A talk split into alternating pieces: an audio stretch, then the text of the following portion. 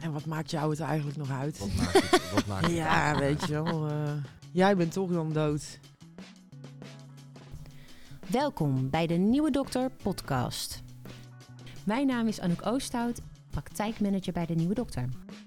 En ik ben Jamie Mousavi, huisarts en praktijkhouder. Zorg, daar hebben wij het over. Niet te verwarren met de zorg. We nodigen inspirerende specialisten uit om thema's te bespreken die ons interesseren. We hebben het over zorg voor jezelf en zorg voor een ander. Zorg voor onze planeet. Over zelfzorg, kopzorg, you name it.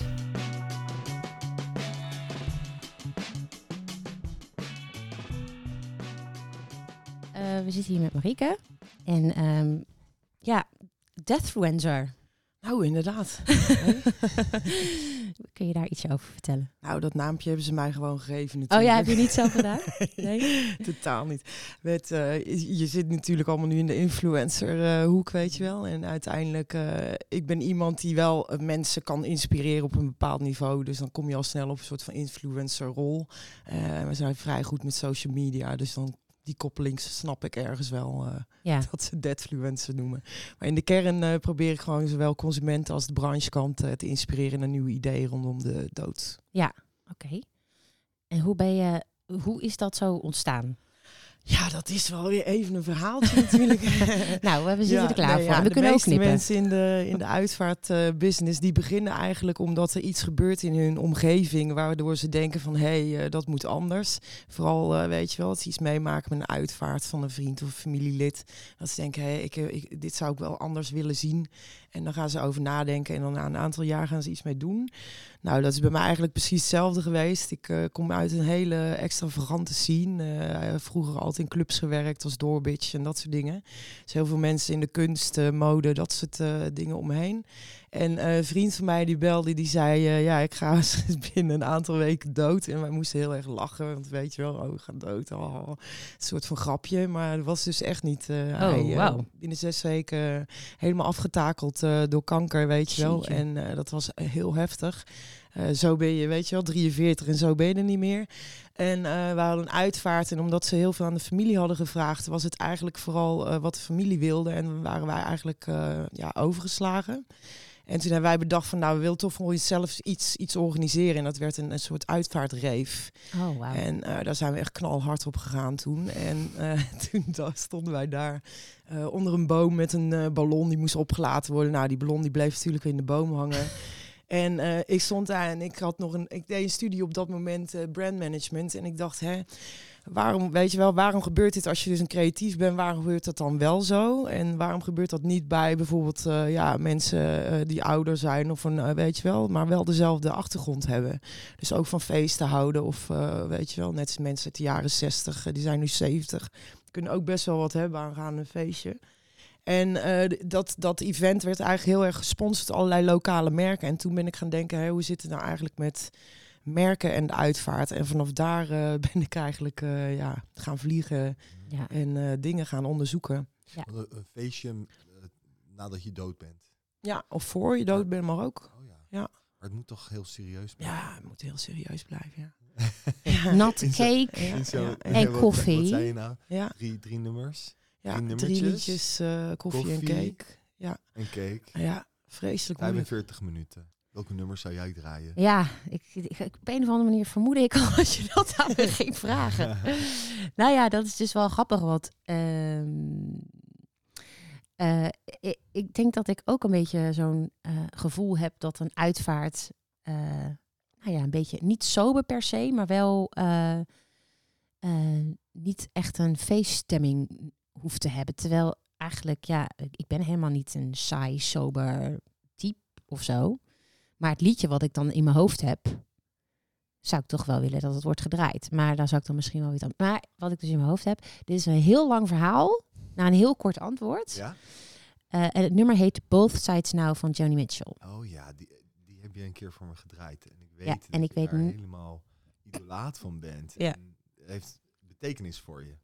Ja, ik weet niet. Ik vind dat gewoon een mooi einde leven nummer. Zo van, nou, ik heb het allemaal eh, van allerlei kanten gezien, bekeken en eh, zo.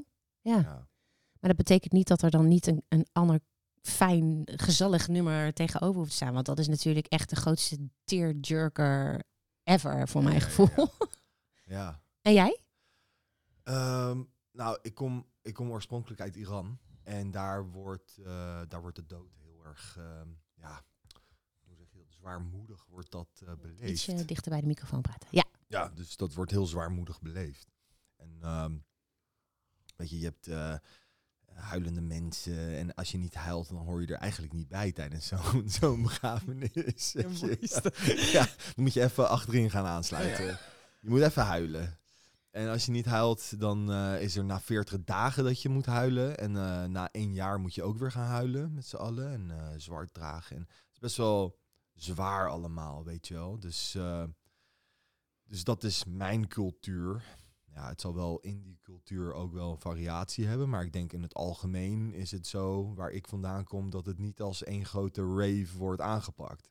Je hebt met culturele achtergronden te maken, weet je wel. Dus weer families, dus kan je dat wel maken. Ja. Dus daar zit heel veel ehm, ja, baanbrekend werk eigenlijk in om dat, eh, om dat wel te gaan realiseren. Maar eh, in de kern kan iedereen zijn uitvaart doen hoe je wil natuurlijk, weet je wel. Eh, en dat, dat beseffen mensen eigenlijk niet. Die zijn te lang geconditioneerd op de drie liedjes, de koffie en de cake. Ja. En de ge- generatie die nu aankomt, die wil dus wat anders. Dat zijn wij.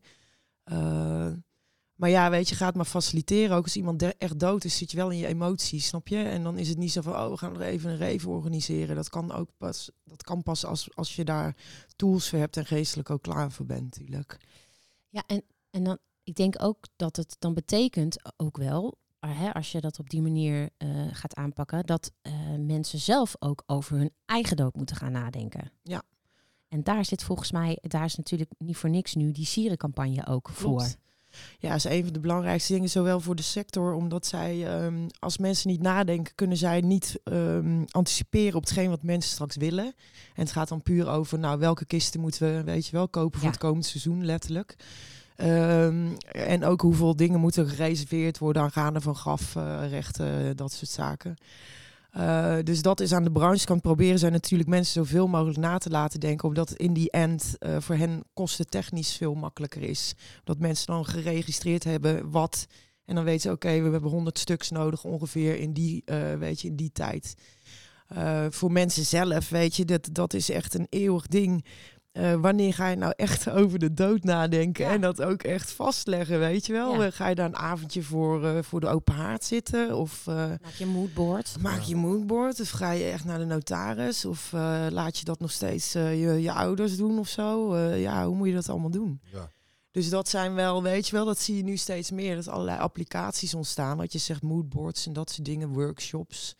Eh, om te kijken van, nou, wat wil je nou eigenlijk? Maar ook daar zit dan nog alsnog een gat tussen. Dan heb je dat gedaan. Het is net zoals een trouwjurk passen, weet je wel. Maar ga je dan ook ooit trouwen? Ja. Nou, je weet zeker dat je ooit doodgaat. Maar ga je dan ook dat daadwerkelijke moodboard eh, weer gebruiken? Ja. Dat is heel Er lastig. zit een bepaald Ja. taboe ook wel op, op, op de dood, om daarover na te denken. Mensen vinden het eng ook Ja, om daarover na te denken. angstig. Ja. Ja. Je roept, sommigen denken ook dat je wat afroept over jezelf. Ja, weet je exact. wel. Dat, eh, dat zijn ook wel dingen.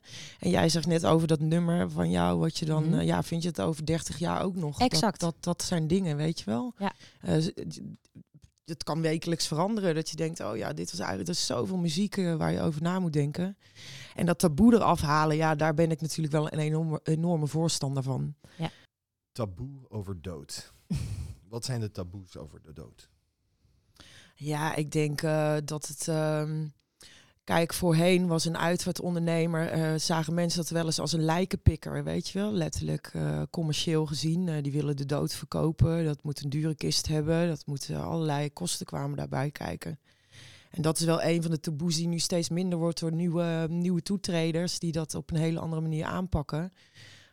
En dan ja, wat ik zei, weet je wel, mensen zijn gewoon bang erover te praten, zo ver mogelijk uit de deur zien te houden. Ja. Ja, dat is toch wel een ding. Je, ik- dacht vroeger wel na over mijn dood, weet je. Als dan eh, mensen, de meiden gingen, oh, mijn trouwjurk en dan komt straks de prins. En dacht ja, maar hoe lig je dan in die kist als de prins kwam? Snap je? Ja, dan was ja. niet eens van, hè, maar het was- ging toch eigenlijk, moet je eerst in een kist of eerst dood zijn en dan komt, komt de prins. Oh, ja. Dat was Oh. bij Door een Roosje zo, Ja. bij Sneeuwwitje zo. Ze moet eerst schijnbaar dood zijn en dan komt de prins. Dus dat doodding, dat was bij mij al echt wel heel heftig. En dan ging ik ook dood, denk van, ja, hoe moet je dan dood liggen? Wat is een goede positie om dood te liggen ook? En als die prins dan komt, ja, moet je dan heel, weet je wel, heel modellenachtig liggen of juist helemaal verkreukeld. dus daar zat ik eh, echt altijd wel over na te denken. Ja. En ik dacht ook letterlijk dat je na de dood weer op zou staan. Oh ja. Oh, Ja, Denk je nu anders over? Oh. door een kusje of ja, weet je wat de prins dan ook is, maar iets van interventie waardoor je dus weer toch wel weer op zou staan. Dus dat je ook je dood dus even goed kon oefenen. En die gedachte, daar kom ik nu de laatste maanden best wel weer achter, omdat ik veel, weet je wel, interviews doe en, doe en weer veel spreek. Dat ik denk, oh ja, dat is eigenlijk een enorme kern geweest. Ja, voor jou om, ja, om dit en dat, te doen. ja, en dat zit nu ook in van dat ik denk, weet je, die holografische doorleven of digitaal doorleven, dat fascineert mij echt enorm. Vertel daar eens wat meer over. Eh, nou ja, jullie misschien de Sims wel, weet je wel. Eh, Ja. De game The Sims. Oh my god, ja. Echt, oh my god. Ja, tentamens hebben en dan ineens gaan simmen. Echt precies hetzelfde. Ja. Ja. Ineens 15 uur verder. Ja, was het, ja, en dan was het ineens eh, vier uur 's ochtends. Ja. En dan had je een goed leven daar, jongen. Oh, in de schij Sims. uit. En ik had zo'n code en dan kostte, kostte het allemaal niks. Daarom ben ik nu huisarts en geen chirurg. nou, Dankjewel, Sims. Dankjewel, Sims. Ja. Dus dat was natuurlijk wel een ding.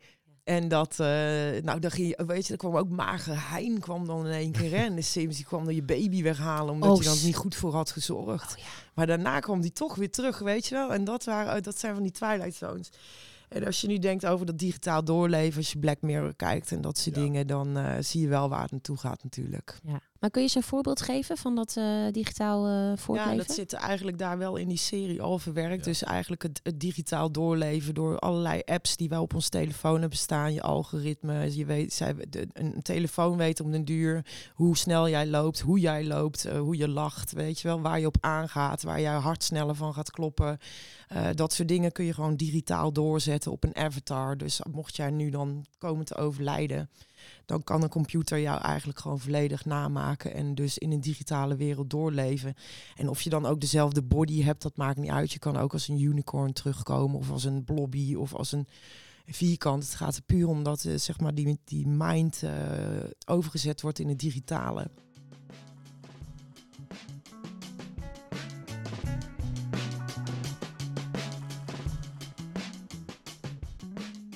Dood is de, eigenlijk, mensen zijn bang voor de dood omdat ze denken, ga ik naar de hel of naar de hemel? En dan in allerlei vormen, weet je wel, of je nou eh, christelijke achtergrond hebt of eh, andere achtergronden. In de kern denk je van, oké, wat is er na de dood?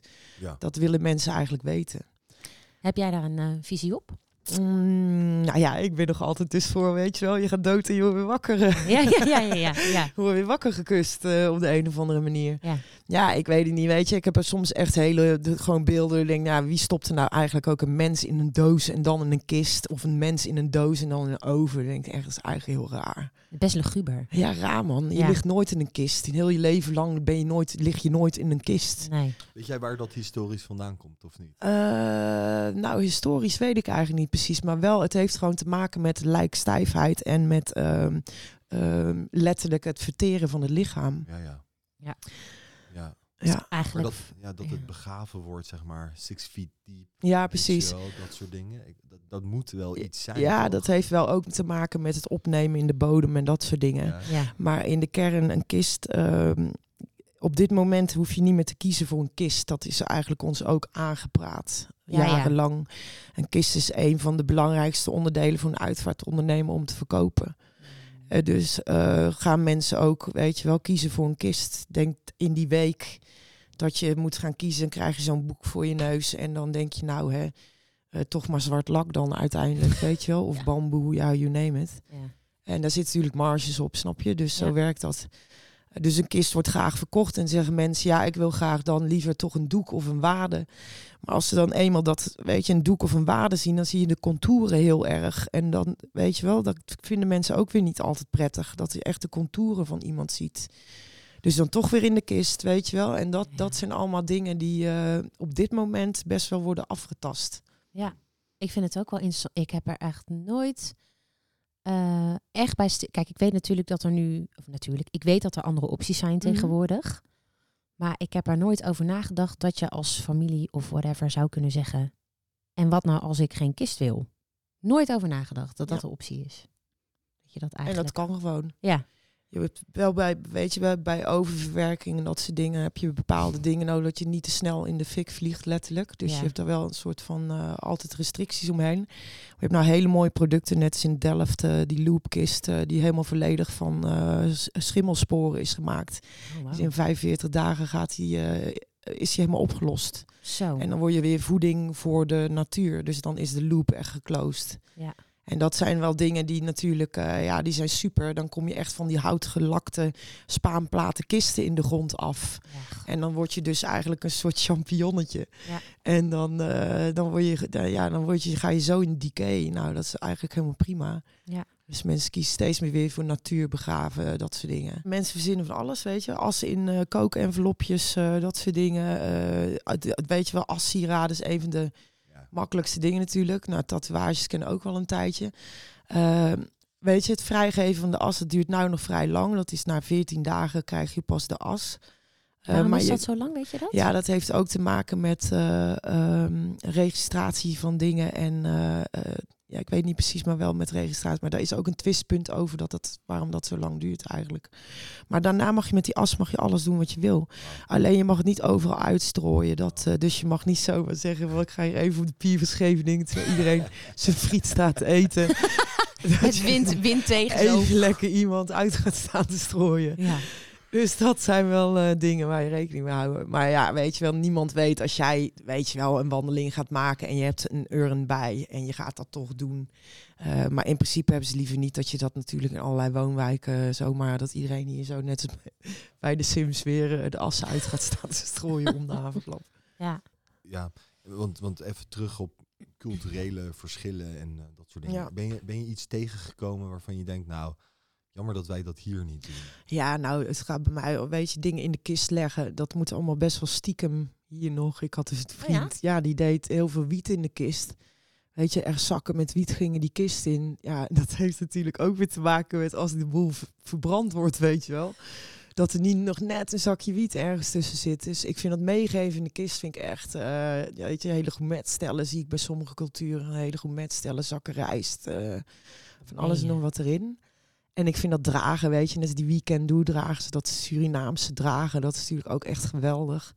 Eh, maar mensen blijven wel nog wel op hun eilandje, weet je wel. Het is meer dat eh, mensen die, ehm, ehm, ja, die zijn gewoon niet anders gewend. En, en, en, en eh, oh, je hebt ook nog rekening te houden met de oma die in de zaal zit, of tante Annie, of weet ik veel wie, weet je wel. Dus je kunt niet allemaal hele rare fratsen eh, soms uit gaan halen.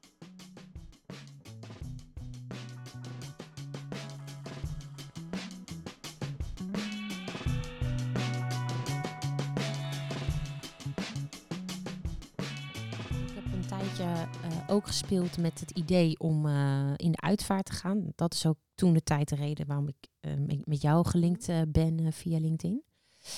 En ehm, nou, ben ik ook een beetje gaan lezen op een gegeven moment. Het, het boekje La- La- Laat je niet kisten, ken je Ja, ja, ja. Ja.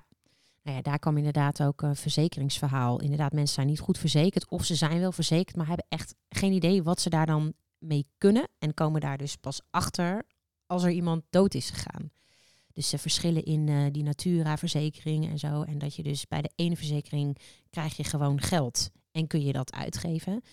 Maar de meesten hebben dat niet. Die hebben die andere verzekering. En dan moet je gewoon inderdaad in de boeken van... van Ja, dat heb je zelfs dan al een keer vastgelegd. ja, precies. Dus stel je bent 25 jaar, had die verzekering vastleggen en je zegt die eikenhouten kist, dan blijft die dus ook tot je tachtigste blijft dat die eikenhouten kist. Ja, ja ik word verbrand. Maar ik weet Ja. nog niet of ik dat wil. Maar Maar weet je wel, de keuzes die je dan maakt, die zijn dan heel lastig aan te passen. ja, ja. Of Ja. tegen een soort meerprijs bijvoorbeeld. En dan zit je dus met hetgeen van, ja, je hebt dat 50 jaar geleden gekozen. Oh, ja. En je bent dit helemaal niet meer. Nee. En dat, eh, dat botst dan natuurlijk. Ja. Kijk, het belangrijkste wat mensen moeten weten is als je verzekerd bent, dat je bij elke uitvaartondernemer je uitvaart kan laten doen. Dus niet alleen maar per se bij hetgeen wat zij aanbieden. Maakt dat ook nog uit de- de soort verzekering of dat eigenlijk niet? Nee, volgens mij niet, nee. Nee, wel dat wat je zegt, de Natura-uitkering of niet. Maar het is altijd een lastig onderdeel. Die, die, weet je, dat, dat verandert ook eigenlijk constant in de kleine letters natuurlijk. Maar de main thing is eigenlijk dat je een uitvaart kunt shoppen. En dat je dus gewoon kan zeggen, ik wil daar de kist vandaan halen. En ik wil zelf de bloemen doen. Eh, ik wil dus, weet je wel, eh, vervoer op deze manier. Je kunt gewoon ondernemers bij elkaar shoppen om je uitvaart te laten samenstellen. Ja. En dan krijg je ook die rol van die uitvaartverzorger. Die wordt eigenlijk steeds meer faciliterend in plaats van leidend. Mhm. Dus die gaat dan zeggen, oké, je wil dan toch in het café met, eh, weet ik veel wat, eh, dit en dit erbij. Dan moet hij dat gaan regelen. Ja, ja. En be- bedoel je, want ehm, bedoel je dan, eh, ik zeg maar wat, hè? mijn, nee, ik zeg, ik, geef een voorbeeld van mijn oma toen de tijd. Nou, die had een uitvaartverzekering bij Monuta. Dan hebben wij volgens mij contact gelegd met iemand van Monuta ook direct. Maar eigenlijk zou je dus ook kunnen zeggen, dat hoeft niet. Je kan ook zeggen, ik eh, neem bijvoorbeeld een ZZP-uitvaart Een leuke ondernemer. lokale dame of heer die dat verzorgt. Exact. Ja. En die kan dat dan voor je gaan regelen. Ja, die eh, regelt aan de achterkant met Monuta dat die, dat die eh, verzekeringsclaim dus wordt uitgekeerd aan hun. Ja, ja. Ja. En, en hoeveel is, is dat? Ja, dat ligt er al aan, weet je wel, wat je, wat je, hebt, eh, wat je hebt verzekerd. Maar een gemiddelde uitzet ziet tussen 8.500 tot 10.000 euro, zoiets. Goeiedag. Ja. Dat is best wel veel, toch? Ja. Daar kan je een leuk feestje van geven. Ja, zeker. Maar het is, weet je wel, wat, het, het werkt net zo bij trouwerijen. Wil je de cake, wil je de koffie, wil je dit? Hoe lang wil je dit? En dat wordt gewoon afgetikt letterlijk op, op geld. En hoe bonter je het maakt, eh, eh, hoe meer natuurlijk. Maar een gemiddelde uitvaart zit wel op die prijs. En nu krijg je steeds meer budgetaanbieders. En dat is eigenlijk eh, best oké, vind ik. Omdat mensen steeds meer zelf dingen willen doen. Ehm, zeggen zij gewoon van ja, oké, jullie doen alles helemaal zelf. En wij regelen alleen nog maar de technische onderdelen. Dus het ophalen, weet je, verzorgen, dat Ja. soort dingen. Eh, en dan kun je zelf beslissen of je een crematie, of je daarbij wil zijn of niet. En dat zijn allemaal pakketten. Eh, en ik denk dat dat een steeds relevanter ding ook wordt. Ja. Dus dat mensen niet, niet te lang meer het letterlijk het lijk boven de grond willen houden. Weet je, dat is ook zoiets van waarom is dat eigenlijk nog zo? Weet je, op zo'n standaard van vijf tot zeven dagen het lijk boven de grond houden. Oh ja. Eh, maar veel mensen kiezen juist voor om helemaal niet meer een bezichtiging, weet je wel, een eh, opbaring ehm, eh, voor familie te doen. Nee. En dan krijg je dus andere soorten invullingen van dat ondernemerschap ook. Die komen dan overleden ophalen en die wordt dan ergens, weet je wel, of neergezet eh, waar je wil. Of die wordt dan, weet je wel, met of jouw bijzijn eh gecremeerd of begraven. Ja. Ja. ja, precies. Zonder dat daar zo'n kist dan wel open of dicht. Dat vind ik dan altijd zo'n eh, Ja. zo'n een soort van verrassingselement. Ja, ik, dat weet, echt zo. oh, ik weet niet of ik dat per se dan een prettig verrassingselement vind. Maar Gewoon een stressfactor. Ja, dat vind ik, dat Dus vind ik is wel. eigenlijk, eh, en een trauma kan het opleveren. Ja. Ook voor kinderen die ineens Ja. geconfronteerd worden. Die kijken, ze- die zijn vrij laag en die kijken dan één keer over die kist. Die Ja. weten helemaal niet wat ze zien. Nee, precies. Dus je moet je afvragen, in de, weet je, iedereen is natuurlijk vrij om te doen wat hij wil. Ja. Eh, maar past het nog in een maatschappij, weet je, om, om letterlijk kadavers te laten zien aan mensen die in een bepaalde, weet je wel, eh, graad van de familie daarvan afstaan. Ja, dat is Dat een hele interessante. Ja, ook voor je. Je hebt natuurlijk binnen een, een uitvaart een aantal doelgroepen letterlijk. Dus de eerste graad, weet je wel, familie, vrienden. En dan zitten er altijd mensen bij. Nou, de buurvrouw, je weet hoe het gaat. En dan de vrienden van die. En dan de vroege klasgenoten. En die heb je al twintig jaar niet gezien. Tja. Maar dat zijn eigenlijk drie doelgroepen waarvan je ook zou kunnen zeggen... is het nodig dat al die drie die doelgroepen dus die open kist zien?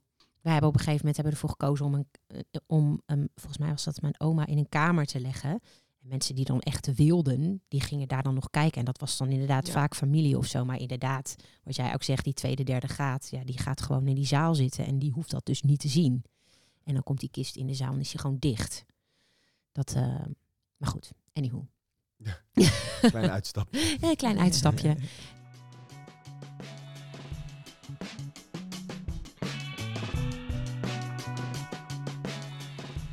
Ja, maar, maar, dat, dat- ja. dat bedoelde ik met de relatie met de dood, weet je wel. Ik heb zoiets van mensen uit India. Die Ja. hebben een heel ander, ja, zeker. eh, hoe heet het, omgang met de dood. Mhm. Dat begint al tijdens je leven. Tij- tij- Tijdens je geboorte begint dat al. Het hoort gewoon, het is een onderdeel van, zeg maar, de cycle of zo. En hier lijkt Ja. het alsof we geen cycle hebben, maar een soort van, we hebben het leven ah, en de dood. Ja, ik denk dat Ja. bij hen ook met die reïncarnatie, weet je wel, dat er een Mhm. soort andere. Kijk, bij ons zegt het gewoon helle vuur of de hemel, weet je wel, en that's it. Ja. en er zit geen, eh, er zit niks tussen. En we reïncarneren, ja, dan kom je toch weer op van, weet je wel, opstaan na de dood. En dat is misschien toch wel een hele andere beleving. Ja. Ja, omdat het dus inderdaad niet het einde betekent. Het is niet het einde, weer nee. eigenlijk de start van Ja, een nieuw ja, leven. ja. En dan is het En een soort verrassingselement zit er dan in van hoe kom je dan terug, weet je wel? Ja.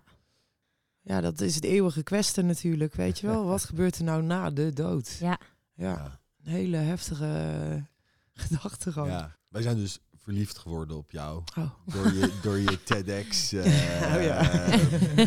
ja, hoe moet je dat zeggen? Wat was dat op TEDx? Een performance wel Ja, ook, toch? Ongelooflijk. Ja, nou dat ging helemaal de mist in hoor. Eerst mocht ik, ik mocht eerst niet eens meer, weet je, tien minuten ervoor zeggen, no, it's off en dit en dat, zwaar Amerikaans. Nee joh, Wat? waarom? Bang dat ik te veel zou vloeken of te, weet je wel, te heftige dingen eh, zou gaan zeggen. Dus Stel je voor. Tien minuten gescript. daarvoor werd Ze ik bijna- ja, ik moest meer scripted worden, ja. Oh, En toen dacht ik, nou hè, fuck it. Kut, ja, en toen helemaal erin. En eh, ja, het was een leuke ervaring, weet je wel. Eh, grappig dat zo werkt. Maar de- dat- ja, ook dat All-American, eh, weet je wat ik net zeg? Ik hou van Ja. vrijheid. En je kom je, ga je tien minuten van tevoren, terwijl ik echt wel wist wat ik ging doen, mij in de war brengen. Dan, en daarna moet ik dan het podium op. Dus dat is, weet je, dat, dat, dat is heel mixed. Maar Op dat het moment. daar deed. Ja, ik had gewoon scheid, weet je. Al die TEDx-dingen zijn allemaal, weet je wel, heel netjes. Ja. En op een bepaalde toon. Wij gaan die link delen met Ja. eh, het publiek. Ja. En ik zou echt graag willen dat iedereen dat kijkt. Ja, sowieso. Want het is inspirerend. Ja, het is nu eh, vier jaar geleden en ik werd toen ook echt nog letterlijk uitgelachen hè, door veel mensen. Had ik het al over deadfluencers, over drive-thrus, over mobiele eh, onderdelen in een uitvaart. Eh, over al inrouwen met TUI, eh Amstel uitvaartcafés, you name it. En dat werd toen allemaal van, oh, ik ben het kunstenaartje, maar dat ben ik helemaal niet. Weet je, ik heb echt gewoon een wetenschappelijke achtergrond. Ja. En ehm, ja, weet je, dat, eh dat TEDx-ding, dat, dat, dat was op zich wel leuk, weet je. Maar ik wilde mensen toen al wakker schudden dat gewoon op de, die uitvaart dus binnen nu en zoveel jaar echt enorm zou veranderen. En dat is dus ook echt daadwerkelijk gebeurd. Dus nu heb ik pas ook voor mezelf de power en de dingen dat ik denk van, hé, hey, luister, ik, ik wist het toen al. Ja. En eh, dat zal ik op alle niveau hebben, of dat nou in uitvaart is of in, in wat voor... de- Ik zie gewoon waar sommige dingen naartoe gaan, weet je wel. En dat is een voordeel. En daar hoef ik carrière technisch eigenlijk niks mee. Maar voor mezelf is dat gewoon echt een rustgever. Ja. Dat ik altijd kan anticiperen op hetgeen wat ik denk dat er komt. Mhm. En dat, eh, dat geeft heel veel eh, power eigenlijk. Ja. Hoe ben jij de coronaperiode doorgekomen? Niet dat we er nu uit zijn, maar eh, weet je, die lockdowns aan, uit, aan, uit. Ja? En hoe, hoe, hoezo is dat zo? Ja, nou ja, wij, ik, weet je, ik woon in Rotterdam, heel dicht bij het strand. Lockdown, lockdown, lo- lockdown, nou ja, let's go. Dus wij zijn non-stop, eh, de kinderen hoefden niet naar school, weet je, de zon scheen. Eh, wij hebben alleen maar gebodyboard, gesurfd, eh, op het strand gelegen, echt loei en loei bruin. En ik vond het wel lekker, weet je wel. Eh, ook in het kader van al die nonsens eh file rijden en Ja. eh, meeten met elkaar, weet je. Dat, ik vond het heerlijk achter die schermen. En dat heb ik toen ook bij zo'n hogeschool losgelaten. Iedereen zei, nou, ik hoop dat we de studenten straks weer live zien. En toen zei ik, nou, ik vind het wel heerlijk. Gewoon lekker achter het schermpje, lekker intunen, op je slippers. En af en toe even lekker een bakje thee pakken. En ik doe nog even stiekem boodschappen terwijl de vergadering is. Weet je, heerlijk. Even je, even je hoed en je camera Ja. uit en je geluid uit. ja, even- ik heb een hele voortuin staan aanleggen onder het vergaderen. Ja. Ja, Ja, ik eh, kan dat me helemaal voorstellen. ja hoor, dus ik vond dat... eh, en ik vond het ook wel nodig. Weet je, iedereen raasde toch maar door. Het was toch eigenlijk... eh, maar ja, weet je, dan... Ja, sociaal-technisch misschien wat minder, weet je wel. Maar ik heb toch steeds allerlei wegen gevonden om mensen te kunnen ontmoeten. En eh, dingen te kunnen doen. Ook met de Funeral Rockstars hebben we gewoon die evenementen constant gedraaid. En mensen vonden dat echt geweldig. Die zeiden in de lockdown van... Oh, die voelde echt een soort van of ze spannend iets gingen doen, weet je. En die Mhm. dimensie was echt super lekker creatief doen en dan weet je wel in een bus zitten en dan een beetje eh, ja om het lockdown gebeuren heen. Daar werden mensen heel een, ja, krijgen ze heel veel energie van. Ja, ja, Ja. dat snap ik ook. Want, Ja. want is dat jouw kracht? Dat je geen ene scheelt wat een ander aan jou of van jou denkt. Ja, dat vind ik wel hoor. Ik vind wel belangrijk dat mensen af en toe van me denken. Maar weet je wat, ik, ik, ik kan gewoon heel goed anticyclisch. Vind ik gewoon fijn. Weet je wel, als iedereen zegt van oeh, corona. Dan denk ik, oeh, nou even kijken wat we er dan weer uit kunnen halen. Weet je wel, het, Ja, ja. op elk probleem is een oplossing te vinden. En het gaat puur om mindset. Mhm. En ehm, kijk, ik snap wel dat mensen hun, hun baan verliezen en dit en dat. Maar er zijn ook weer zoveel nieuwe ondernemers opgestaan, snap je? Die zeggen, ja, ik stop bij de baas werken. Ik ga nou gewoon dit voor mezelf doen, man. Ja, Dus ik vind het heel fijn dat die, weet je, dat, dat, eh, dat werkgever-werknemersrelatietje, dat dat echt enorm is doorbroken. Daar ben ik echt eh, blij, voor, blij, blij van, van geworden. En kijk, ik vind wel belangrijk dat mensen wel iets van me denken. Maar dat vond ik bijvoorbeeld, eh, weet je wel, eh, tot mijn veertigste vond ik dat belangrijker dan nu. Mhm. Weet je, eh, ja, wat, wat moeten ze nog van je denken op den duur? De- iedereen denkt wel wat. Ja. Maakt niet uit. ja, nee, dat is absoluut waar. Bedoel, Ja. Er zijn altijd mensen die... eh, En ik, ja. ik target nooit op eh, 100% van de mensen. Ik zeg ook altijd, ik kan maar met 3% van de mensen op de wereld omgaan. Dat is een bepaald slag mensen, daar kan je mee omgaan. De rest is eigenlijk een soort van, ja, die zullen het nooit helemaal snappen Nee, eh, wat je doet voor je denkt. ja, nee, als je dat gaat nastreven, dan wordt het een lastig verhaal. Ja joh, we zijn ook de zeeman niet, weet je wel. Massa kassa, dat hoeft allemaal niet. Nee. Maar- Ehm, ik heb Ja. nog wel een vraagje over... eh, hè, toen jij dus met die uitvaartbranche ging, bezig ging, hè, en vooral die eh, merk en uitvaart. Waar heb, eh, je hebt ook stage gelopen, toch, in de uitvaartbranche, of dat niet? Nee. Oh, dat niet. Oké, dan heb ik dat verkeerd. Nee, ik heb, gewoon, ik heb eh, destijds onderzoek is echt gewoon, weet je wel, wetenschappelijk onderzoek Ja, gedaan naar hoe een uitvaartbeleving eruit ziet. ja precies. En toen kwam ik er eigenlijk achter dat een uitvaartbeleving, eh, vooral dat je je gedraagt als een toeschouwer. En Ja, dat ja. is eigenlijk iets heel raars. Dat de consu consument, De, zeg maar, ja, de, de, de gasten. nabestaande, de, eh, de familie gedraagt zich als een toeschouwer.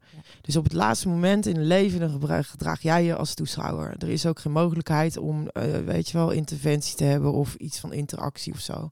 Uitvaartondernemer komt binnen, je zit in een aula. Nou, je hebt daarvoor misschien nog een laatste moment gehad. En dan gaat hij een soort van de leiding nemen en dan... Nou, dan gaat iemand nog iets bespreken of iets zeggen en dan dat was het dan weer. En dan komen, zijn er dan zes op een dag, weet je wel, vijf. Die allemaal in diezelfde aula. Dus ik dacht dat fa- fabrieksachtige doordraaien, weet je wel, dat, dat stuit mij heel erg tegen de borst. En eh, dus vanuit de marketing moet je eigenlijk kijken naar, weet je, het moet een experience worden. En hoe ga je dat dan doen? Nou, er moeten dus nog drie takken bij. En dat is dus, weet je wel, esthetiek, educatie en escapisme. Ja. En die, die, die, takken die, die, die zijn wel te vinden, maar dat, dat matcht niet bij elkaar totdat een, eh, een, een, een, een echte uitvaartbeleving is. Ja. Dus waar mensen goed bij voelen en denken, zo, hè, nou, weet je wel, het was tenminste zoals die was. En we hebben in ieder geval Ja. echt goed kunnen janken of kunnen vloeken of weet ik veel wat je allemaal wil doen, man. Ja. Ja. Ja, ik eh, hoor wat je zegt. Is dat ook waar je het meest over hebt verwonderd? Of zijn er ook andere elementen? Nee, wel gewoon dat eh, echt dat Nederlandse fabrieksproces. dat zie je wel meer eh, Europese landen, weet je wel. Maar ik dacht, hè, eh, een mens die heeft dan eigenlijk nou zoveel dingen. Oh, wat jij zegt, nou, je houdt van die, van die gast, van je vriend, dit en dat. En jij toen met je man en lalala, allemaal goede levens. En de kinderen zaten bij. En we zijn daar geweest en op reis geweest. Een goede baan gehad. En leuk, de nieuwe dokters opgezet. Ah, ah, ah. En dan ben je ineens dood. En dan, Ja. ja, dan drie kwartier. Dat is toch gewoon veel te weinig, joh. En ook dat vooral dat, fa dat fabrieksachtige, weet je wel, wat ik zeg. Oké, je, bent je denkt dan op dat moment, oh, die is dood. En je staat er op die begraafplaats of bij dat uitvaartcentrum. En dan zit je helemaal in je emotie. En dan weet je wel, een uur later staat daar weer zo'n familie helemaal in zijn emotie op precies dezelfde plek in dezelfde aula. Weet je, dat, dat gaat maar door, dat riedeltje. En dat, Mhm. dat vond ik eigenlijk eh, heel vreemd. Krijg je tegengas vanuit de uitvaartbranche? Eh, ja, zeker, natuurlijk. Ja. Kijk, ik heb het voordeel dat ik geen uitvaarten organiseer of zo. Dus Nee. dat ik ehm, voor hen ook eh, ideeën bied waar ze iets aan kunnen hebben. Zodra ik denk, ik ga zeggen van nou, ik ga ook een uitvaartverzorgingstak ontwikkelen, dan wordt dat duidelijk minder. Ja. Omdat er gewoon maar 150.000 doden ongeveer per jaar zijn. En eh, die markt wordt steeds voller. Dus zij zijn natuurlijk geneigd om hun eigen regio te, te coveren en ook dat te verdedigen. Ehm, dus altijd tegengas, ja, relatief klassieke ondernemers natuurlijk, weet je wel. Ja. Ja, maar het is wel de dood en eh, dit en dat. Maar ik ben eigenlijk gewoon, wat ik net al zei, ik zit in eigenlijk een niche-markt, weet je wel. Eh, letterlijk binnen de uitvaart, een relatief kleine markt, heb ik ook nog een soort niche. En dat zijn mensen die gewoon echt totaal eh, wat anders willen. Ook andere ideeën hebben. En zowel aan de branchekant als aan de consumentkant natuurlijk. Gaan de zaken goed? Eh, ja, eigenlijk wel. Omdat ik nu pas mijn belief eh, heb gekregen. Of het streepje van, nou oké, ze had dan gelijk, weet je wel. Ja, ja. Wat was dat? Nou, na die TEDx, uh, of na überhaupt al die lezingen hebben gegeven, na die pandemie waren er dus ineens drive-thrus. kon je dus Exact. ineens ja, ja. allerlei livestreams krijgen. waren ineens allerlei mobiele locaties. eh deadfluencers waren ineens... kwamen ineens on the surface. Dus nu heb ik meer credibility, zeg maar. Dus het gaat nu... eh, eh, ja, in, in de kern verkoop ik gewoon cursussen en evenementen, weet je wel, aan uitvaartbedrijven. Dus eh, dat, dat, dat, dat meer, minder moeilijk hen binnen hoeven halen, dat, eh, dat werkt nu wel. Ja. Eerst moest ik echt daarvoor leuren, weet je wel. Kom nou eens in die bus zitten, werken we aan je onderneming, nieuwe ideeën. En nou zien zij ook van, oké, ik kan wel eens iets bedenken wat gewoon, wat ik eigenlijk al jaren in mijn hoofd had, wat nu ook voor die consument dus wel relevant is. En de consument is er ook klaar voor. Ja, exact. Ja. Ja. Dat is inderdaad Als je zeg maar vijf jaar geleden zei van ik heb een mobiele prosecco bar en ik ga in een in een maisveld staan en daar komt ook nog een band uit, die, uit dat maisveld en die tillen de kist boven dat maisveld uit. En zouden zeggen joh nou weet je dat is echt voor, voor popsterren. Of weet je wel of voor een of andere videoclip. En nu nu zijn mensen wel geneigd om dat te gaan doen. Ja, en dat dat organiseren ze dan deels zelf. Ja. Zo, oh ja, de band, oh ja, de band van die en die. Ja, hup, in dat maisveld. Oké, wie draagt de kist? Nou, die, die en die. Oké, en dat wordt een soort van bijna een show. Dan zijn ze ook gespannen. Maar het is wel echt voor diegene die daar in de kist ligt. Het is 100% en dan valt die kist bijna. En dat is ook niet echt erg. Terwijl dan, weet je wel, bij een zo'n klassieke uitvaart als de kist dan bijna zou vallen. Nou, weet je wel, dat is voor iedereen eh, heel heftig. Ja. Dus die lijnen die, zijn, die gaan steeds meer vervagen. En het is wat luchtiger dan. Het kan luchtiger zijn. Kijk, het ligt eraan ook de, wanneer, de manier waarop iemand ja, is doodgegaan, weet je wel. mee. Dat kan ik me Ja, als iemand uit het leven wordt gerukt of een kind of dat soort dingen, ja, dan ga, kan je alles bedenken wat je wil, maar het, het komt gewoon niet goed. Maar je hebt natuurlijk, wat ik net al zei, weet je wel, mensen die nu rond de 70 zijn, dat zijn echt de hippies, hè. Die zijn echt fucking keihard keer geweest, gegaan vroeger. En die mensen hebben echt een enorme goede muziekstijl, een muziekkeuze. Dat is echt, eh, en dat vergeten wij allemaal. Dat zijn de senioren van nu. Ja. En die willen echt wel wat hoor. Die willen echt nog wel, weet je wel, dat toch even de Rolling Stones eh, naar voren komt. Of eh, dat soort dingen. Ja. Dus mijn vader zegt dan bijvoorbeeld, oh ja, die dragers, ja, te gek. Ze kan dat het menu dan ook op. Dus Dat was zo leuk dat die mensen, dan moeten ze allemaal proberen het minuutje zo steeds een gerechtje van die, van die kist af te pakken. Als dan die, weet je, van die drukke dragers, eh, van die Surinaamse dragers. Ik denk, ja, dat is te gek plan. Ja. Dus, eh, en ook mensen de oven uitpraten, weet je wel, dat soort dingen. Over uitpraten, wacht, dat moet je Ja. even uitleggen. Ja, ja, de oven. Ja. Ja. Zij, je kan ook resumeren, compost worden. Ik Ja, bedoel, precies. eh, je kan Oh. zoveel dingen. Nou, die oven de hele dag Ja, in. Ik vind het zoiets raars. Ja. En dan gaan mensen ook beseffen van, ja, ik wil helemaal niet, niet meer in die oven Ik wil eigenlijk. ook helemaal eigenlijk niet meer Nee, in die niet, oven. niet meer in die oven in één Nee. keer. Dat was ook een soort trend. Iedereen werd toen gecremeerd, want het was beter. En er was te weinig, weet je, te weinig eh, plaats, eh, te weinig locatie om mensen te begraven. Maar je kan ook lekker gewoon tot een klein eh, kristalletje worden geresumeerd. Gewoon een mooi wit poedertje. Ja, ja, Ja, precies. Ook wel weer grappig. Ja, Het veel, eh, heeft een hele andere beleving. Ja. Het Gewoon in een bak met water in plaats van in een vuurzee. ja. Oef. Dus het is allemaal, alles kan op dit moment. De technieken, ja, die zijn eindeloos. En werken verzekeringen mee? Eh ja, zeker. Ja, die gaan ook steeds meer zien dat, eh, kijk, eh, het grote punt was eigenlijk altijd dat bedrijven dachten dat de consument het niet trok, snap je? Ja, ja. En ehm, nu de consument ook bijvoorbeeld door zijn sierencampagne en door ook dingen die zij zien, eh, bijvoorbeeld zo'n krijtrouwwagen waar kinderen op kunnen krijten. Of een kist die je kan inkleuren zelf. Of eh, ja, dus in plaats van een kist in een mandje, weet je wel. Eh, gaan mensen eigenlijk steeds meer trekken. Dus de consument gaat steeds meer vragen. Dus is het logisch dat die bedrijven ook het aanbod gaan veranderen. Ja. En dat, eh, dat durfden zij eerder eigenlijk niet. Nee. Nee. Maar het is wel echt een mooi voorbeeld van dat, eh, dat je dus als consument wel degelijk iets te zeggen hebt. Absoluut. En als jouw wens verandert, Ja. dat, ja, dat daar toch op geanticipeerd wordt uiteindelijk. Ja, zij gaan gewoon mee in die vraag die, eh, die komt. En dat Ja. duurt nou bijna ja, ja, vijf tot vijf jaar zijn we daarvoor onderweg. Ja. Eerst was het natuurlijk, weet je, heel veel duurzaam. Ging het over duurzaam, Ja. vijf jaar geleden. Alles moest duurzaam zijn, de kist. de-. Maar nu is duurzaam gewoon een ijs. Ja, precies. Het is Weet je, meer dit eh, is gewoon, het is gewoon, ja, we verwachten gewoon dat zo'n kist eh, die de grond in gaat of de oven, dat dat geen zwaar vervuilende materialen zijn. Nee.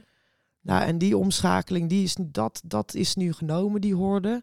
En nu krijg je de variëteiten aan eh, hoe wil je ten einde komen, weet je wel? Ja. Dus het resumeren, begraven, cremeren. Nou, je kan zelfs als je zou willen, dus met die gieren aan de, die gieren aan de slag als je zou willen. Er zijn best wel gedachten over. Zo. Ja. Wat, wat vind je ervan om zeg maar, het, eh, het stervingsproces ook te Verlengen? branden? Oh ja, ja. Hoe, zie je, hoe bedoel je? Nou, kijk, eh, bijvoorbeeld euthanasie bijvoorbeeld. Ja. Weet je wel, dat je mensen ook de keus geeft hoe ze ten einde komen. Ja, dat, is, dat, dat lijkt me logisch vervolg, weet je. Het zit nu ook een beetje in een soort taboehoek, hè? Euthanasie. Ja, euthanasie. Ook met dementie en dat soort dingen. Mhm. Eh, wanneer zeg je nu van ja, nu, nu is iemand zichzelf eigenlijk niet meer. Ja, dus nu, Kijk, ja. ik ben de, het bestaat een machine, dat is de Sarco-machine. En dan kun je dan in gaan liggen en dan word je gesuicide. Ja, sarcofaag. Ja, het is een soort, eh, ja, een soort eh, hele space-achtige machine. Je zag het vroeger bij de Simpsons al. Die hadden dan de suicide machine en dat kon je 25 cent in doen. En dan eh, werd dan zo'n Sim, of zo'n de Simpsons was dat toen nog, werd zo'n Bart, die werd dan helemaal gesuicide. Maar er bestaat zo'n machine en dat is eigenlijk heel humaan, weet je wel. Mensen gaan erin liggen en het is gewoon klaar. En die worden dan met allerlei eh, ehm, eh, stralingen en dingen worden ze dan, eh, weet je wel, kun je euth- euthanasie. Ik ben ook voor een pil, absoluut. Ja. Dat soort dingen. En je kunt dat branden natuurlijk. Dat is hetzelfde als met hospice, weet je wel. Waar Ja. mensen voor de laatste eh, fase inkomen. Dat is nu nog echt wel een, ja, iets wat mensen helemaal niet... Daar wil je helemaal eigenlijk niet zijn. Nee. Hospice. Ja. Hospice, nee. Ben je ooit in een hospice geweest? Ja, zeker. Hoe vond je dat? Nou ja, weet je, het gaat al om geuren en dat soort dingen, weet je wel. En Ja. vaak zit het in eh, gebouwen die dan bijna zijn afgeschreven of eh, Ja. een deel van het seniorencomplex.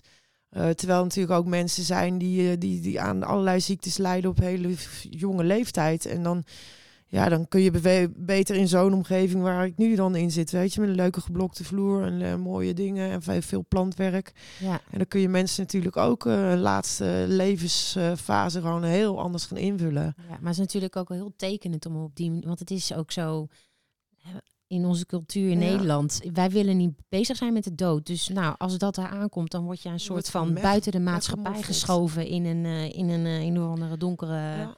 Hier doen we in het Westen, zo- nou, niet alleen in het Westen, maar we doen zoveel om het leven te verlengen. Ja, zo. Terwijl, terwijl, eh, weet je wel, als iemand een, eh, laten we zeggen, een beroerte krijgt, weet je wel. En eh, d- eh, d- 30 minuten in een coma heeft gelegen. Ja, moet diegene nog naar het ziekenhuis worden genomen, weet je wel? Dat soort dingen, dat Ja. soort vraagstukken. Het verlengen van leven ten opzichte van het koesteren van leven, dat is een soort, dat is een soort ja, ba- balans die eh, zo moeilijk is. Ja, is wel zo. ja, ik ben het wel met jou eens, weet je wel. Want ik heb het meer over kwaliteit van invulling als je weet dat, weet je wel. Dus je Ja. bent bijvoorbeeld 70 en nou, je hebt bij bij wijze van nog 20 jaar te gaan vanuit de natuur, of 15, whatever. Maar dat eindeloze levensrekken, dat, eh, ja, dat is ook wel een ding, daar ben ik het ook niet echt mee eens. Nee. Ik heb het, verschillende ja. mensen in mijn omgeving, tantes en zo, die dan, weet je wel, 86, 92 en dan toch weer de operatietafel opgaan uit, eh, omdat de familie denkt dat dat goed is, weet je. Terwijl zij zelf denkt van, nou, laat me lekker in de zon zitten. En Ja, eh, nou, ik zie het is- vanzelf om me wel. En Ja. ik heb mijn leventje wel gehad. Maar dan, oh, ze moeten wel, weet je. De familie denkt, we moeten, ons moeder moet blijven. Ons, weet je wel, dat soort dingen. Dus, maar dat is ook wel een beetje weer, ja, dat is best de laatste twee jaar, weet je wel. Natuurlijk begin van de pandemie. Toen waren wel de oudjes, waren zeg maar de eerste slachtoffers, weet je wel. Die werden binnengehouden, weet je nog, met die zakken over de hoofd en de kleinkinderen en dit en dat. En zo, die zijn er echt wel aan kapot gegaan. En dan zeg ik, ja, wat je zegt van hoe hoe vaak moet je een leven rekken? Ja, dat is wel zo. Ik denk wel dat er een soort limiet aan zit, maar dat je het ook nog wel steeds persoonlijk moet bekijken. Maatwerk dus eigenlijk. Ja. Het Blijft. Zeker wel, ja. En wat wil iemand zelf, hè? Hoe ziet jouw eh, uitvaart eruit? Ja, dat is dus elke week anders. Ja. Ja, Hoe ziet hij er deze week uit? Uh, nou ja, ik wil het wel, wat ik zeg, weet je wel, heel natuurlijk houden. Dus ik wil wel iets van een strand of een bos, uh, dat soort dingetjes. Maar ik laat ook wel, ja, deels, mensen weten wel wat, wat voor type ik ben natuurlijk. Mm -hmm. Maar ik laat ook wel een beetje afhangen van hen uh, uiteindelijk. Ja. Nee, ik heb zelfs helemaal, helemaal niks geregistreerd. Nee. Geen verzekering, helemaal niks. Nee. nee. Zou je mensen adviseren om zelf een spaarpotje te maken bijvoorbeeld? Uh, ja, eerder een sok onder het bed. Ja. Dan een... Uh... Ja, je ziet heel veel crowdfund, uh, nou dat soort dingen, weet je wel. Ik denk wel dat er ook een soort derde verzekeraar op staat. Dus die, Ja, ja. die, die op dat soort eh, dingen eh, gaat zitten. Dus meer een soort crowdfund, een algemene pot. Of net bij de weekamp, weet je wel, afbetalen. Elke maand even wat afbetalen. Oh ja. Dus, ja, dan eh, kan je tenminste ook wat, zeg maar. Ja, weet je wel, als je het dan zo gaat zien, dan, wordt- dan wordt het allemaal weer anders. Ja.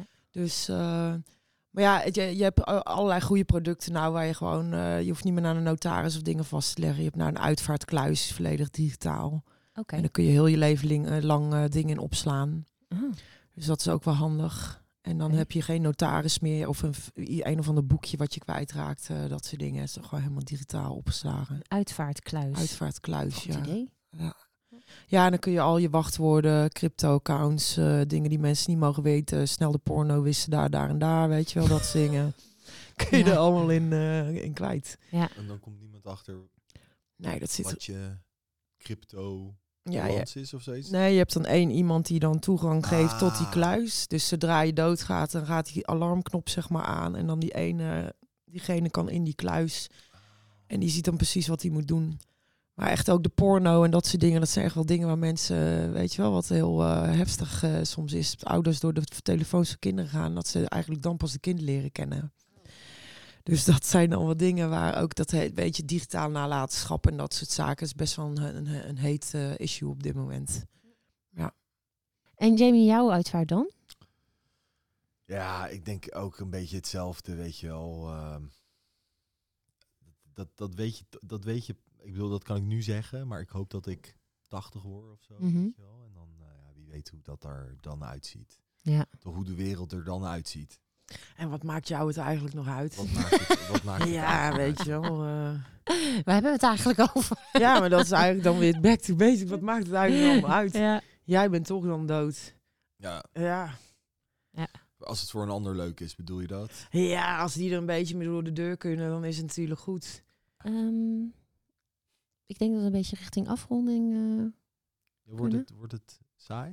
Nee, het wordt helemaal, ik vind het helemaal niet saai. Ik kan nog uren doorlullen. Maar eh, nou ja, goed. eh, Nou, dan gaan we toch nog Wat even tijd? door. ja, we kunnen nog even door. Ik moet wel echt heel nodig plassen. dus dan zet ik hem heel even op pauze. En Dan, zullen we dan... kunnen we een beetje afronden. Ja, en dan zo. kunnen we nog een beetje afronden. Goed.